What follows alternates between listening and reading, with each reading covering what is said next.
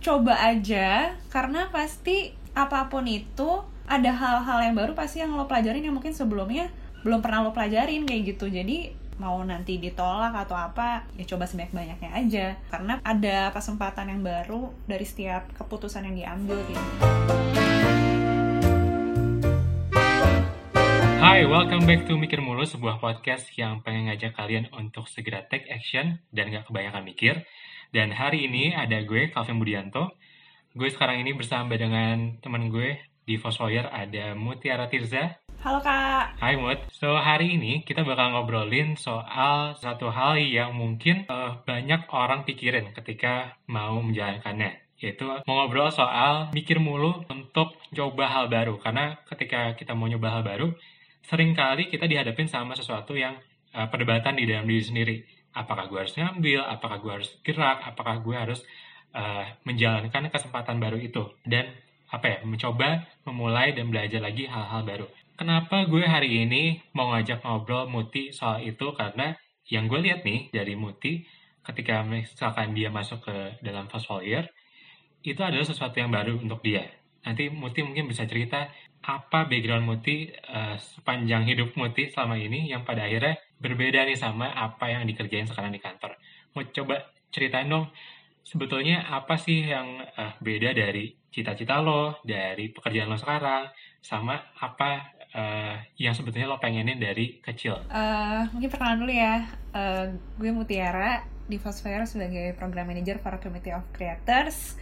Dan ini kalau nggak salah udah bulan ke background aku sebenarnya aku lulusan desain interior di Universitas Tarumanagara. Kalau misalnya dibilang cita-cita pas kecil sih dulu cita-citanya tuh uh, ganti-ganti ya. Tapi sempat pengen lamanya pengen jadi arsitek gitu. kenapa? Karena waktu kecil misalnya lagi naik mobil terus lihat perumahan ada rumah yang bagus tuh pasti selalu tertarik gitu. Dan seiring berjalannya waktu terus karena aku waktu SMA ambil jurusan IPS terus mikir kan kayak kayak kalau arsitek hitung-hitungannya susah deh dan kayak arsitek nggak bisa dari IPA gitu.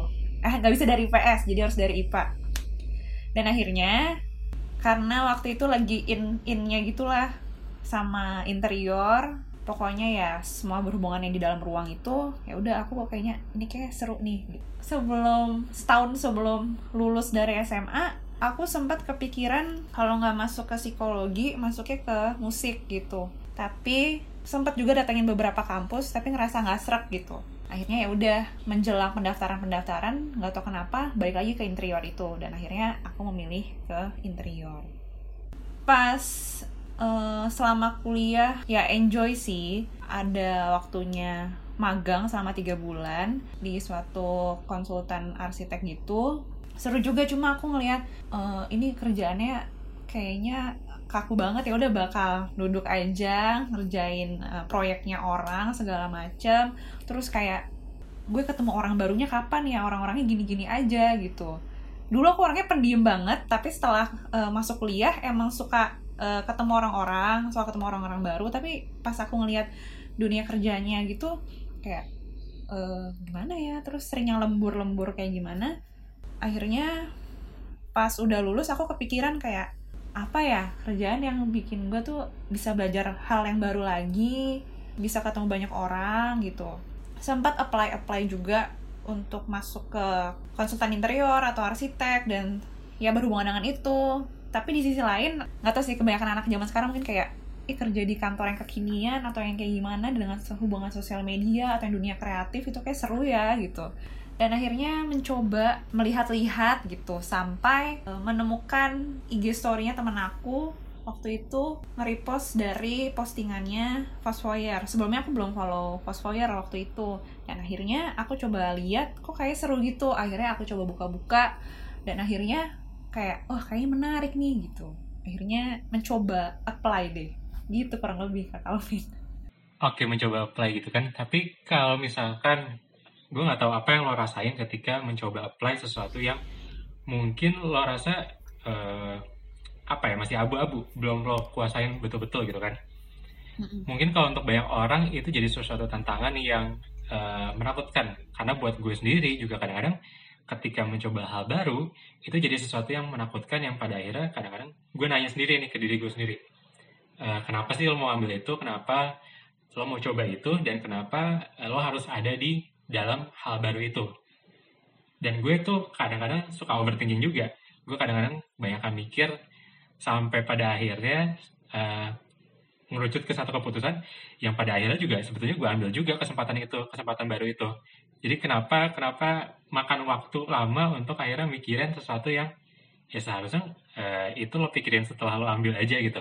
Tapi kalau lo sendiri gimana? Ketika apa yang lo rasain ketika harus memulai atau masuk ke sesuatu yang baru mencoba hal yang baru?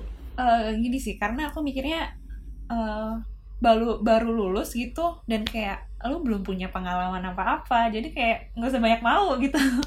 Jadi kayak coba aja karena pasti apa pun itu ada hal-hal yang baru pasti yang lo pelajarin yang mungkin sebelumnya belum pernah lo pelajarin kayak gitu. Jadi dibilang nekat mungkin nekat gitu kayak e, lo bisa apa nanti di kerjaan itu? Lo apply nanti gimana? Gitu gitu cuma kayak ya udahlah aku coba aja sih. Berani mau nanti ditolak atau apa ya coba sebanyak banyaknya aja.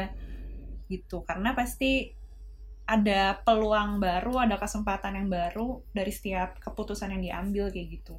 Nah tadi kan lo bilang kan uh, kesempatan baru hal baru yang kita bisa explore setelah kita nyoba hal baru itu. Gue Betul. juga setuju sih sebetulnya. Karena ketika misalkan apa ya gue uh, mahasiswa hubungan internasional dulu ketika akhirnya memberanikan diri masuk ke dunia bisnis kan pasti ada sesuatu yang baru lagi untuk gue coba untuk gue pelajarin gitu kan. Sesuatu yang tadinya gue nggak punya background nih tapi akhirnya secara nggak langsung gue harus apa secara langsung gue dipaksa untuk ngerti tentang hal itu ketika misalkan gue nggak pede untuk ngomong di depan umum public speaking tapi ketika akhirnya kerja dan pada akhirnya megang community kan mau nggak mau ya megang kewajiban itu.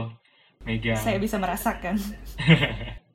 Megang kewajiban untuk akhirnya jadi MC, jadi moderator yang pada akhirnya secara langsung oh ternyata gue bisa ya, ternyata gue mampu, ternyata gue ada satu potensi di dalam diri gue lagi yang gue explore yang pada akhirnya keluar potensinya itu. Mm-hmm. Nah kalau lo sendiri apa yang lo alamin ketika uh, tadi kan lo bilang lo cerita lo kuliahnya di interior design, terus memutuskan masuk ke Fosfoyer dengan uh, jabatan atau lowongan yang lo sendiri nggak tahu lo bakal ditempatin di posisi mana dan apa yang lo rasain ketika misalkan waktu itu lo masuk ke Foswire dan ditunjuk untuk pegang community.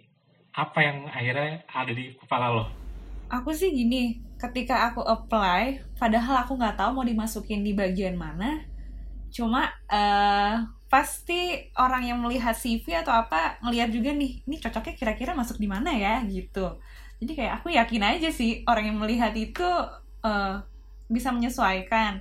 Walaupun dari aku belajar maksudnya sampai ya di umur yang sekarang gitu uh, ketika lo berada di zona nyaman lo terus ya pertumbuhan lo gitu-gitu aja gitu nggak ada perubahan gitu. Tapi belajar kan banyak hal belajar hal baru banyak hal juga walaupun yang sebelumnya belum kena belum pernah kita pelajarin gitu. Dan akhirnya pas masuk pas di interview pas di interview baru tau tuh kalau misalnya lo dimasukin di sini terus dikasih studi kasus apa ya bilangnya studi kasus kali ya? Kayak kalau misalnya ada ini lo harus gimana yang gitu-gitu kan. Awalnya sempat shock gitu. Oh ini yang mau dimasukin ke aku ya. Gitu kan. Studi kasusnya waktu itu apa? Ditanya misalnya, kalau misalnya lo punya uh, program gini-gini, gimana caranya program itu bisa lo buat berhasil atau gimana supaya bikin orang lain tuh yakin supaya bisa ikut gitu yang kayak gitu-gitu terus ya gitu sih kalau nggak salah dulu wawancaranya terus pas masuk uh, awalnya lumayan kaget apalagi itu pekerjaan pertama aku. Pekerjaan pertama dan ya aku nggak tahu ini bakal ngerjain apa. Kalau mungkin dulu aku mau jadinya masuk di pekerjaan dunia interior mungkin aku udah ada bayangan oh kurang lebih gue kayak gini gini gini tapi kalau ini benar-benar yang kayak nggak ada bayangan sama sekali lah gitu ya udah akhirnya uh, dikasih tau lah tugasnya ini ini ini ini segala macem. Yang awalnya aku nggak tahu benar-benar aku catat semuanya. Istilahnya kayak orang baru belajar email gitu misalnya aku benar-benar bisa diklik log login klik apa klik apa kayak gitu-gitu aku catat bener-bener gitu. Sampai waduh ini gimana ya? Banyak banget lagi. Nggak cuma belajar satu jadi banyak hal gitu. Itu sih. Tapi makin ke sini oh iya ya berguna juga kok buat gue ke depannya nanti gitu kalau yang lo explore dari uh, akhirnya nyoba nyoba hal baru apa yang akhirnya lo temuin dalam diri lo sendiri? Apakah ternyata ada potensi-potensi yang selama ini lo nggak yakin tapi pada akhirnya dengan lo coba hal baru ternyata potensinya keluar. Kira-kira apa tuh yang yang kayak gitu? Uh, mungkin orang-orang lain ya yang ngerasain kamu tuh sekarang bawel ya kayak gitu. Karena aku dulu ya uh, terkenal pendiam pendiam banget gitu di sekolah. Kalau kuliah udah lumayan lah rame. Kalau di sekolah dulu tuh bener-bener yang pendiam pendiamnya pendiam banget gitu. Lebih suka ngomong gitu karena aku dulu pendiam tapi tuh di otakku tuh sebenarnya banyak yang mau diungkapin tapi aku nggak bisa ungkapin gitu. Nggak bisa aku bagi padahal kayak gue pengen bagi ini ini ini loh sebenarnya. Cuma aduh nggak deh malu takut gitu. Dan itu sih kayak oh ternyata pertama mungkin jadi kayak gue tuh sebenarnya bisa ngomong. Terus kedua salah satunya mungkin perubahan yang kelihatan banget misalnya dari uh, Instagram aku gitu terus kayak oh ternyata gue bisa juga ya bikin konten terus oh orang lain juga bisa ngerasain ya gitu dan ya udah sih itu sih beberapa potensi-potensi yang ini selama ini nggak gue gali ternyata bisa loh gitu oke okay. nah masuk ke ngomongin konten gitu kan kan tadi ya lo mungkin di Instagram nggak terlalu mikirin tentang konten nggak terlalu ngerti tentang konten bahkan kalau kita ngobrol aja nih berdua di kantor kadang-kadang masih banyak istilah-istilah sosial media yang lo belum ngerti nih. Istilah-istilah tentang konten yang lo masih bingung-bingung gitu kan? Iya. nah ketika lo udah nyoba bikin konten dan kalau yang sekarang gue lihat kan lo salah satu apa ya salah satu voyeurs salah satu uh, pegawai di Fosfoyer yang ketika bikin konten bentuk format konten itu beda-beda selalu ada hal selalu ada hal yang baru lah. BM anaknya. Selalu ada hal baru yang keluar dari kebiasaan-kebiasaan yang mungkin dulu lo nggak pernah kepikiran. Kenapa akhirnya lo mau nyoba untuk uh, coba format-format yang baru itu? Pertamanya kan mungkin sebelumnya uh, diajarin gitu ya. Dari Ko Will, Ko Edi gitu. Gimana personal branding lo terus konten pilar lo tuh mau kayak gimana? Supaya lo tuh nggak terlalu luas. Lo jangan sama kayak orang lain. Misalnya pergi ke mana? Di instastory makan apa di instastory ya sama aja kayak yang lain bedanya apa gitu. Terus mulai dari situ mikir uh, iya ya gue bisa bikin apa sih buat di Instagram gue sendiri gitu. Terus ya udahlah akhirnya ketemulah beberapa hal ya soal berbagi cerita ya lewat kata-kata atau biasanya aku juga share nyanyi lah atau apa yang kayak gitu-gitu. Terus kenapa? Awalnya mungkin dulu aku sama sekali nggak kepikiran untuk posting bentuk tulisan atau apa ya cuma kayak gambar terus di caption udah yang kayak gitu. Terus kayak ah, kalau gini terus bosan gak sih? Karena aku ngeliat followers aku kan kebanyakan ya uh, usianya mirip-mirip aku ataupun yang di bawah aku gitu atau yang di atas aku gitu kan tapi nggak terlalu jauh. Kayak anak muda tuh nggak suka hal yang uh, statis gitu nih aja pasti pengen hal-hal yang baru hal-hal yang beda gitu. Jadi akhirnya aku coba beberapa hal ini kontennya bisa diapain lagi ya? Bisa diapain lagi ya? gitu. Aku pernah ngambil misalnya aku nulis kata-katanya tuh udah tahun lalu gitu terus aku ini kayak bisa deh dinaikin lagi tapi dikemasnya dengan cara yang berbeda. Gimana ya? Misalnya waktu itu dari caption doang akhirnya aku tarik tuh jadi aku rekam pakai suara aku terus sama kata-kata gitu. Ternyata ya di, bisa diterima juga sama orang lain gitu. Terus jadi membuat aku oh semakin ada hal yang baru responnya juga baik kok gitu. Nah uh, kalau lo ngeliat nih lo ngeliat teman-teman di sekitar lo atau lingkungan sekitar lo sebetulnya kalau menurut lo sendiri nih sebetulnya apa sih yang yang yang bikin kita kadang-kadang suka takut untuk memulai hal baru? Karena kan kalau misalkan kemarin tuh gue denger di uh, episode Mas Eko sama Mas William mereka discuss tentang uh, itu ya soal speak up. Kadang kita terlalu terlalu takut untuk dijudge sama society kita yang emang terbiasa judging. Mungkin itu itu juga nggak sih yang bikin kamu kadang-kadang takut untuk uh, memulai hal baru? Karena uh, dulu ketika gue bikin konten di sosial media gue juga sebetulnya takut. Karena gue takut dijudge sama society atau audience gue atau followers gue. Kayak kok Calvin jadi bikin hal hal kayak gini? Kok Calvin jadi ngomongin hal ini? Kok Calvin jadi sok kayak influencer? Sok kayak content creator yang di Instagram yang sering di endorse padahal nggak di endorse gitu kan. Sebetulnya lo kalau menurut lo seberapa jahat sih uh, judging dari uh, orang-orang di sekitar kita itu? Apakah itu sesuatu yang harus kita dengar atau dicuekin aja? Menurut aku omongan orang lain tuh akan selalu ada. Omongan positif negatif itu akan selalu ada sampai nanti kita tua pun juga akan selalu ada. Jadi um, kita sendiri yang bisa filter dan menyaring gitu ya kayak uh, mungkin emang ada konten misalnya yang kurang atau apa terus ada yang kasih masukan ya itu diambil ambil baiknya aja gitu untuk perbaikan kita dan kayak perkembangan kita juga sih. Jadi uh, mau ada yang nggak suka atau suka kita sendiri yang pilih ini yang ditutup kupingnya ini yang dibuka gitu karena nggak akan ada habisnya nggak sih netizen gitu? Kalau didengerin mulu kapan ini ya kapan kapan habisnya? Karena kan pasti orang Betul. ya namanya makhluk hidup kita kita nggak sempurna kan nggak nggak bukan bukan apa ya bukan makhluk yang suci. Yang bisa ngelihat sesuatu selalu dari uh, sisi positif. Mungkin ada orang yang bisa ngeliat sisi positif terus menerus tapi banyak juga yang uh, selalu ngeliatnya juga negatif juga pasti ada sisi positif dan negatifnya. Berarti gimana? tapi, uh, iya sih tapi perlu juga komentar-komentar itu. Kalau diem nggak ada yang komentarin nggak ada. Yang itu kayak nggak seru juga sih. Jadi perlu bumbu-bumbu itu sih untuk meramaikan. Iya iya betul betul. Karena kita emang butuh butuh apa ya? Butuh di pedesin butuh didorong, dicubit dikit supaya akhirnya kita sadar gitu ya sama diri kita sendiri. Karena kadang-kadang terlalu jumawa, terlalu sombong juga untuk nggak dengerin orang lain, itu juga salah juga ya. Mm -mm, bener. Oke oke. Nah kalau menurut lo, lo punya nggak sih tiga tips untuk supaya orang nggak kebanyakan mikir, supaya orang akhirnya mau mencoba hal-hal baru? Tiga tips untuk berani mencoba hal baru. Uh, pertama, lihat aja uh, sebagai peluang atau kesempatan buat diri kita tuh untuk berkembang gitu nggak ada yang salah kok maksudnya kalau misalnya lo nggak coba lo nggak bakal tahu gitu. Kalau misalnya udah tahu oh ini nggak cocok sama gue ya udah gitu. Ya udah yang penting tuh lo udah nyoba gitu.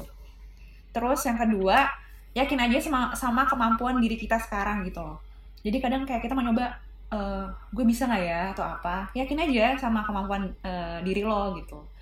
Terus ketiga, nggak usah terlalu pikirin apa kata orang. Karena uh, bagaimanapun, misalnya kita minta masukan dari orang lain, akhirnya juga kita kok yang menentukan pilihan. Gue mau ke mana, arah gue mau ke mana, yang kayak gitu sih.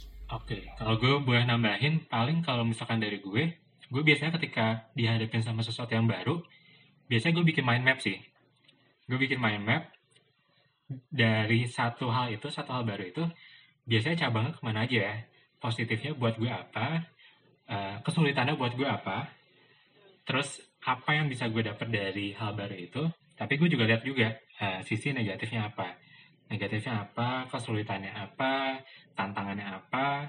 Dan apakah ketika gue melakukan itu gue bisa maksimal untuk apa ya memaksimalkan hal baru itu sebagai potensi yang pada akhirnya bermanfaat untuk diri gue sendiri. Iya sih, aku pun lagi mulai lagi nih nge ngebuat goal setting. Kira-kira uh, kayak berapa hari lalu aku baru bikin sih lima tahun ke depan. Apa ya hal yang mau gue capai ya udah terus aku mundurin mundurin mundurin. Berarti tahun tahun ini gue harus ngapain kayak gitu. Karena beda-beda mungkin kakak main map. Kalau aku tuh kayak di aku urutin gitu loh. Tahun ini apa terus ya pasti kalau gue mencapai itu gue harus misalnya menyediakan uang atau apa yang kayak gitu-gitu sih kak. Jadi mencoba hal baru tapi di planning juga tantangannya kan selalu ada gitu. Kamu tuh sistemnya ini ya bikin sis, apa kayak semacam set of priorities gitu ya. Jadi uh, kamu urutin prioritas-prioritasnya, uh, yang mana harus didahuluin, yang mana pada akhirnya jadi prioritas paling belakang gitu ya? Betul dan betul. dari situ mungkin kalau misalkan aku kalau misalkan punya sistem yang kayak gitu juga akan cabang-cabangin lagi tuh. Karena terbiasa sama mind map eh, kira-kira apa yang bisa dimaksimalin di prioritas Iya, pertama dan aku mencoba hal barunya Oke. tuh di segala aspek ya. Misalnya di pekerjaan, oke gue bakal coba hal baru ini. Terus di hobi gue, misalnya aku musik dan nyanyi, oke gue belajar hal barunya soal apa. Jadi tuh belajar hal baru tuh banyak banget, nggak cuma soal dalam pekerjaan, dalam sekolah, da oke dalam karir kayak dalam apa pun, dalam hubungan dan yang lain-lain. Oke, oke, oke. Semoga eh, obrolan kita bisa bermanfaat untuk teman-teman yang dengar. Dan jangan lupa untuk cobain tadi tiga tips dari Muti atau tambahan satu tips dari gue untuk kita nggak mikir mulu ketika mau nyoba hal baru. Karena sebetulnya dengan mencoba hal baru ada berbagai macam perspektif kok yang bisa kita lihat. Ada berbagai macam hal positif yang bisa kita dapetin yang pada akhirnya jadi poin pengembangan diri kali ya. Ya, pas udah nyoba tuh kayak, oh gue tuh ternyata bisa ya gitu. ternyata Kayak bisa ternyata yang ada ini ya ada efek oh ternyata Iya. oh ternyata oh ternyata ternyata gue terlalu banyak mikir jadi jangan sampai kayak gitu segera take action Mm-mm. tentuin apa yang mau lo lakuin dan jangan pernah takut karena kalau kebanyakan takut kebanyakan mikir kapan, kapan actionnya actionnya?